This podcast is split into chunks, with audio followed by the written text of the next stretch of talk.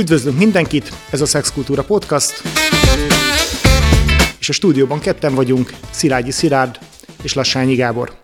Mai adásunkban azt gondoltuk, hogy hozzunk be egy olyan témát, ami sokszor felbukkan médiában is, különböző fórumokon, mégpedig a férfi potencia kérdése, a libidó kérdése, minden, ami a szexuális vágyjal és ennek a mennyiségével, a mérhetőségével kapcsolatos.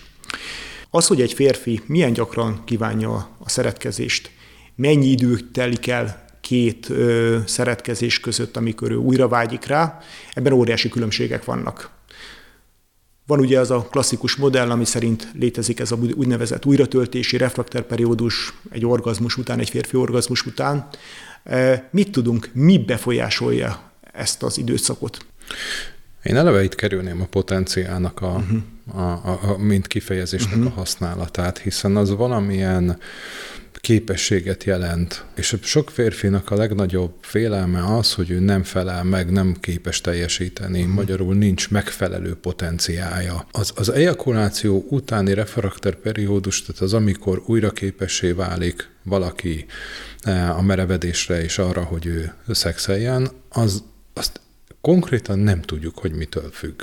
Azt tudjuk, hogy amit te is mondtad, hogy pár perctől akár 24 óráig is terjedhet ez az idő, de ennek az ég a világon semmi köze, sem tesztoszteron szinthez, sem prolaktin szinthez, semmi, semmilyen hormonhoz nincs neki köze.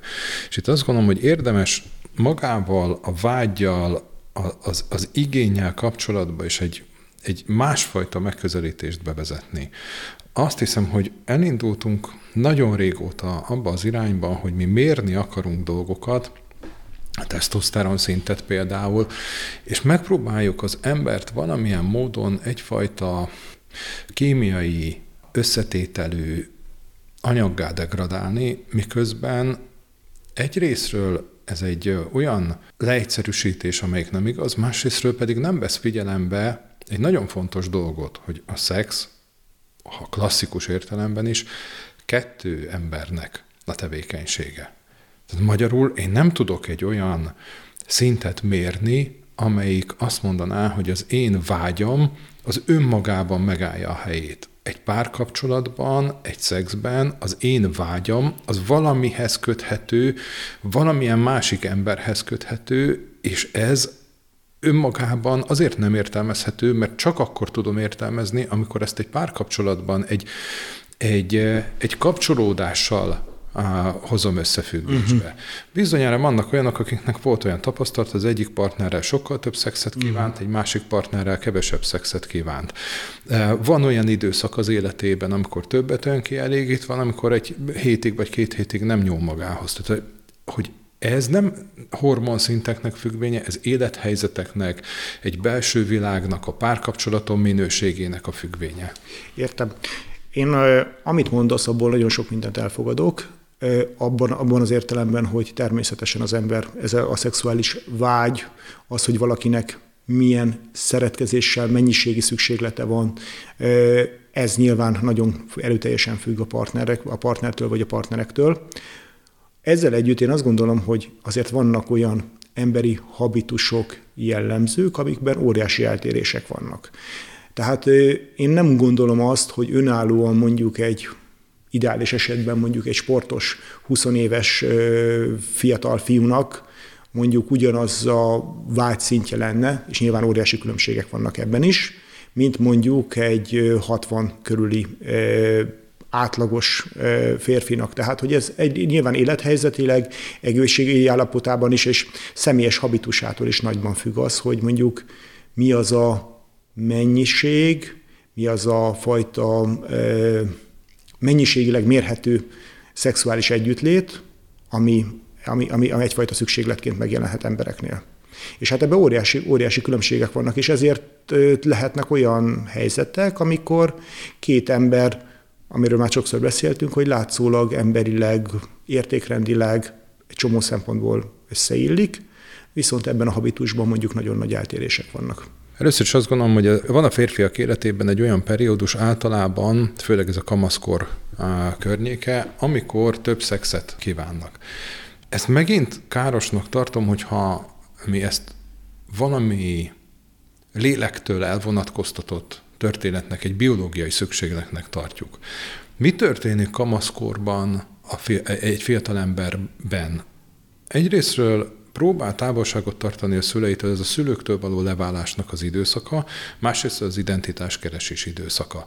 De a szülőkről való leválási időszaka az azt jelenti, hogy jóval kevesebb olyan intimitást fog megélni egy fiatalember, mint amit az előtte lévő időszakban megélt. Tehát nem, tud, nem lehet elégszer elmondani, hogy a szex az az intimitásnak egyfajta megélése.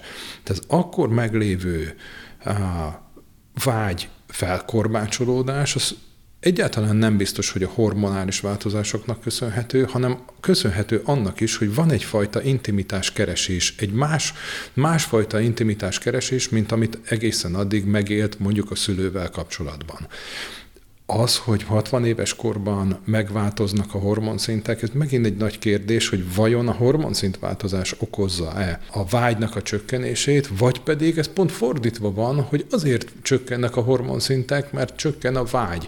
Mondjuk kezd kihűlni az a párkapcsolat, kezd elidegenedni az a pár, és ezért csökken a hormonszint, nem pedig ez hat rá. Tehát ismerünk olyan 85 éves férfit, aki hetente többször uh, kívánja a szexet, és ismerünk olyan 16 éves fiatalember, embert, aki egyébként meg egyáltalán nem kívánja a szexet. Tehát a szex az önmagában, én azt gondolom, hogy nem, nem egy, nem, nem, nem egy mérhető és kezelhető történet, hanem a kapcsolataink függvényében kell ezt nézni. Abszolút.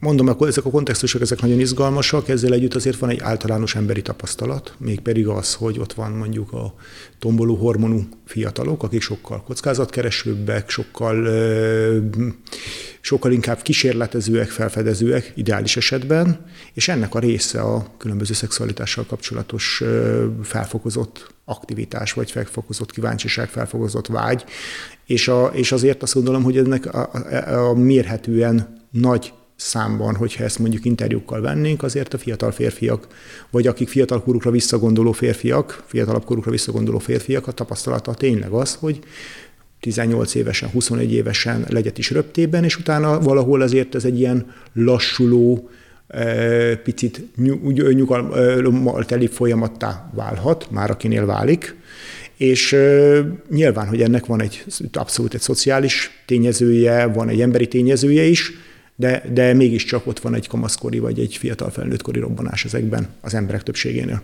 Az, hogy az emberek többségénél mi van, ez szerintem nagyon nehezen meghatározható és nagyon nehezen mérhető. Próbáljuk meg azt elképzelni, hogy hogy mi nem egyedül vagyunk a világon. Uh-huh. A mi történetünk az a kapcsolataink története. Uh-huh nekünk megvannak a magunk kapcsolódásai más emberekhez, és a más emberekhez való kapcsolódásaink által tudjuk magunkat identifikálni. Uh-huh. A magunk viselkedése az, az származik egy belső igényből, és származik a környezetünkkel való, emberekkel való kapcsolatainkból az, hogy mi miképpen érezzük magunkat, az egy belső gondolkozás és a környezetünk által eh, való visszahatásnak az eredménye. Tehát a habitus, mint ilyen, szerintem eh, nem nagyon létezik. Van egy temperamentum, amivel születünk.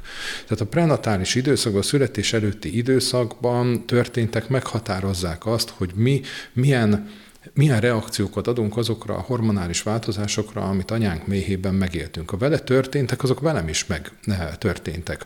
Anyám története az az én történetem. Ezt nem lehet elégszer elmondani, hogy az a peteseit, amiből én megszülettem, az ott volt anyámban akkor, amikor ő megszületett. Tehát egy, a, a temperamentum az egészen másképp alakul különböző gyerekeknél, mert mások a méhen belüli megéléseik, más a terhességnek a megélése. A temperamentum az más.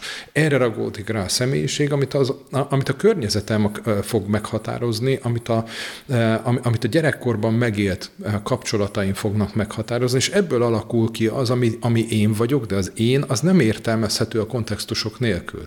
Tehát amit amit te mondasz, hogy általános jelenség, azt gondolom, hogy általános jelenség igen, leírható a kockázatkereső magatartás, de a kockázatkereső magatartás, a szülőtől való leválás, az intimitásnak a, a vágya, az mindenkiben ott van, és egyáltalán nem tartom valószínűtlennek, hogy a kamaszkori szexuális kilengések, vagy pedig magasabb igény az az, az, az intimitás kereséshez és az általad is említett kockázat kereséshez Abszolút, és de hát hogy azért, hogyha csak a kifejezett ezt az intimitás keresést ragadjuk meg motivumként, hát azért azt nagyon jól tudjuk, hogy a szexualitásnak, vagy a szexuális cselekményeknek vannak egy annak ez csak egy aspektusa az intimitás keresés, hiszen önmagában a kielégülésnek a, a keresése, a, az, endorfin, a, az örömnek a keresése, a gyönyörnek a keresése, a feszültségoldásnak a keresése, az legalább ugyanolyan fontos aspektus lehet, főleg ebben a kísérletező fázisban. Ez Ezek, az identitás kialakulása. Igen, így van, és hát itt mondom, nagyon sok fiatal alapvetően azért pont a feszültség szintjét szeretné csökkenteni tudat alatt is azzal, hogy,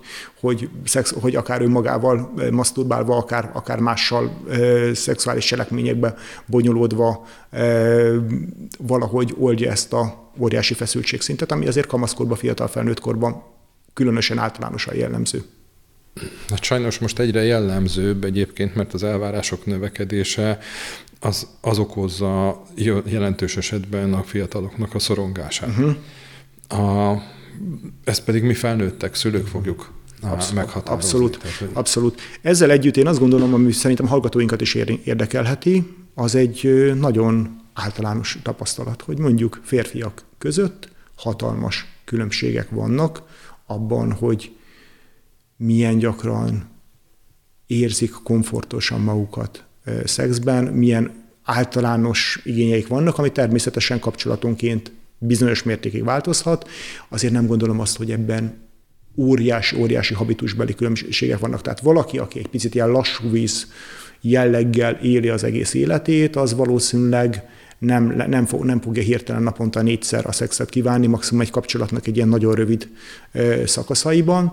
Az a férfi pedig, aki azért alapvetően naponta, két naponta hozzá van szokva, vágyszinten megjelenik benne a szex, az valószínűleg nem fogja komfortosan érezni magát, hogy olyan partnerrel találkozik, ahol ez mondjuk akár egy heti egyszer, két hetente egyszer lenne erre belső indítatás, erre a kapcsolódásra.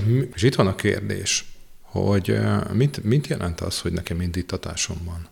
Mit jelent, mit szimbolizál a szex? Az egész, az egész világot mi értelmezzük amit, ami történik körülöttünk, az nem egy valóság, az a valóságnak egy leképeződése a mi fejünkben.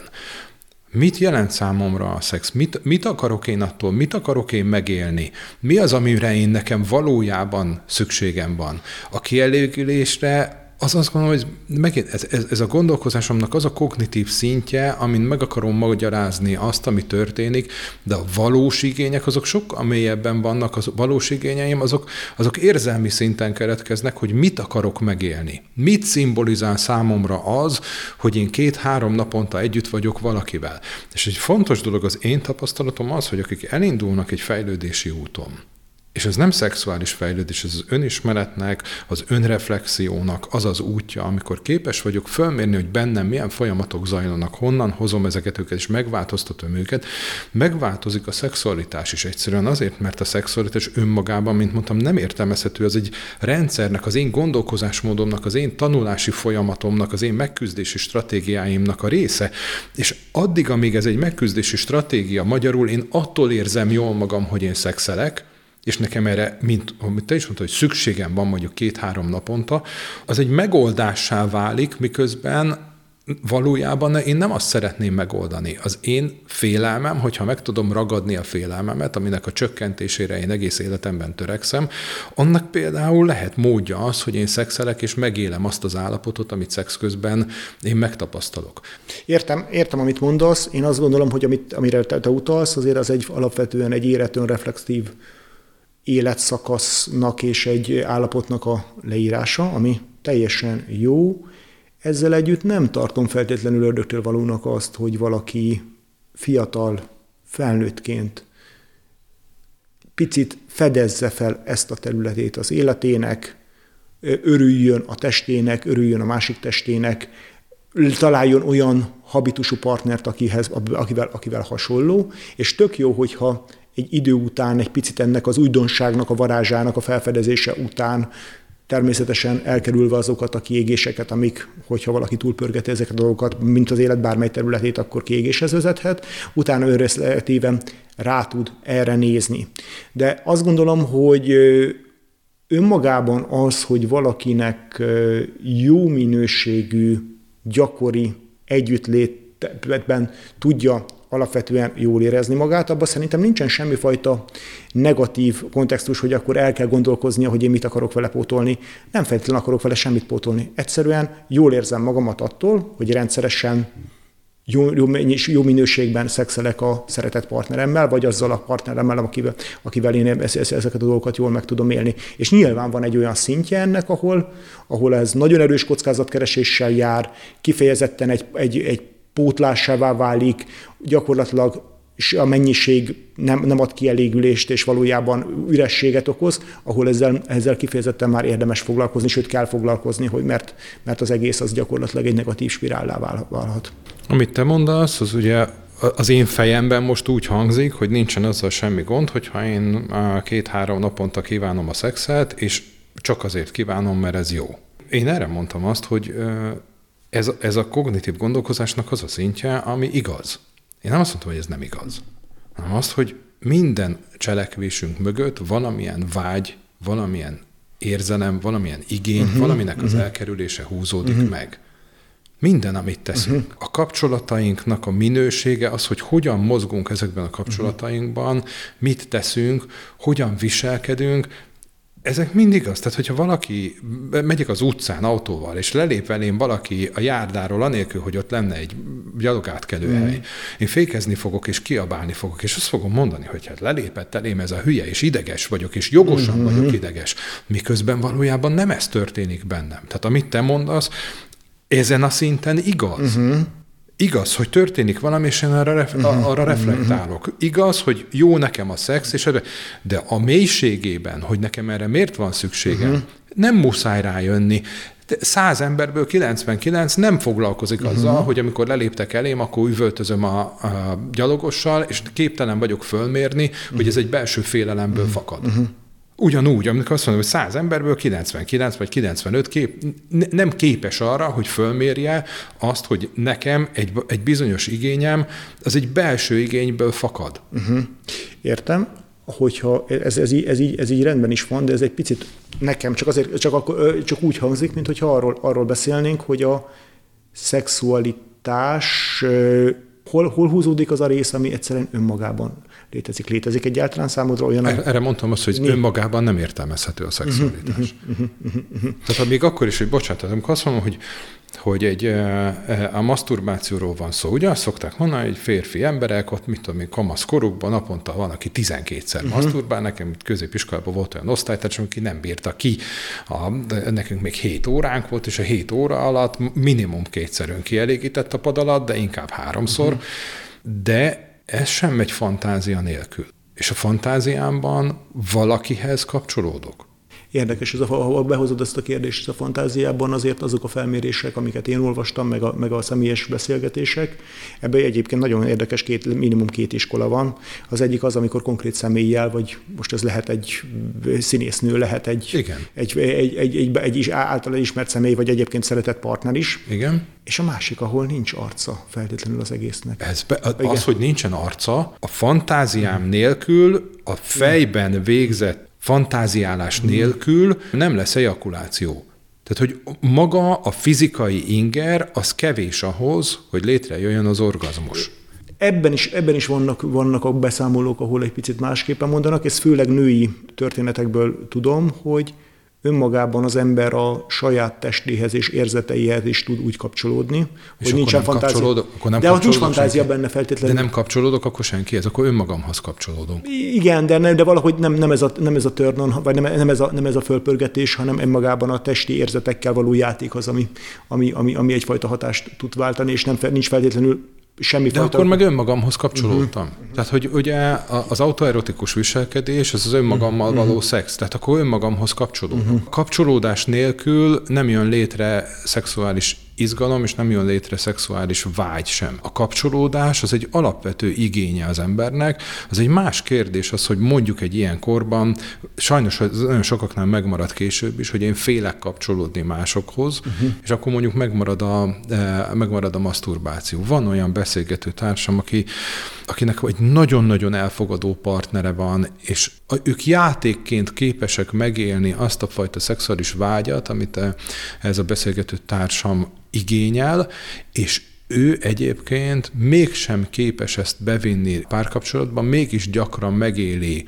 önmagában, mert mert rárakódik egyfajta szégyen, és nem az, igazából nem a szégyen rakódik rá, hanem a biztonságérzete. Tehát, hogy nagyon sokan azért maradnak meg egy eh, maszturbációs szinten, mert ott biztonságban vagyok, mert önmagammal biztonságban vagyok. Elégszer elmondtuk már, de talán nem árt elismételni, hogy szex közben mi nekünk szükségünk van biztonságra. Ez egy módosult tudatállapot, át kell magunkat adjuk a másik embernek, és lesznek olyan igényeink, amiket félünk megélni egy másik ember társaságában. Hogyha viszont ezeket a egyéni eltéréseket veszünk, aminek nyilván lehetnek abszolút pszichés okai, amiket fel lehet deríteni, beszélhetünk-e olyan alapigényszintről, aminek, hogyha, hogyha annál kevesebb van, akkor az már, az már, az már, azzal már foglalkozni kell. Mire gondolsz? Hát mondjuk valaki párkapcsolatban van, és mondjuk egy hónapig eszébe se jut, hogy a partnerével együtt legyen.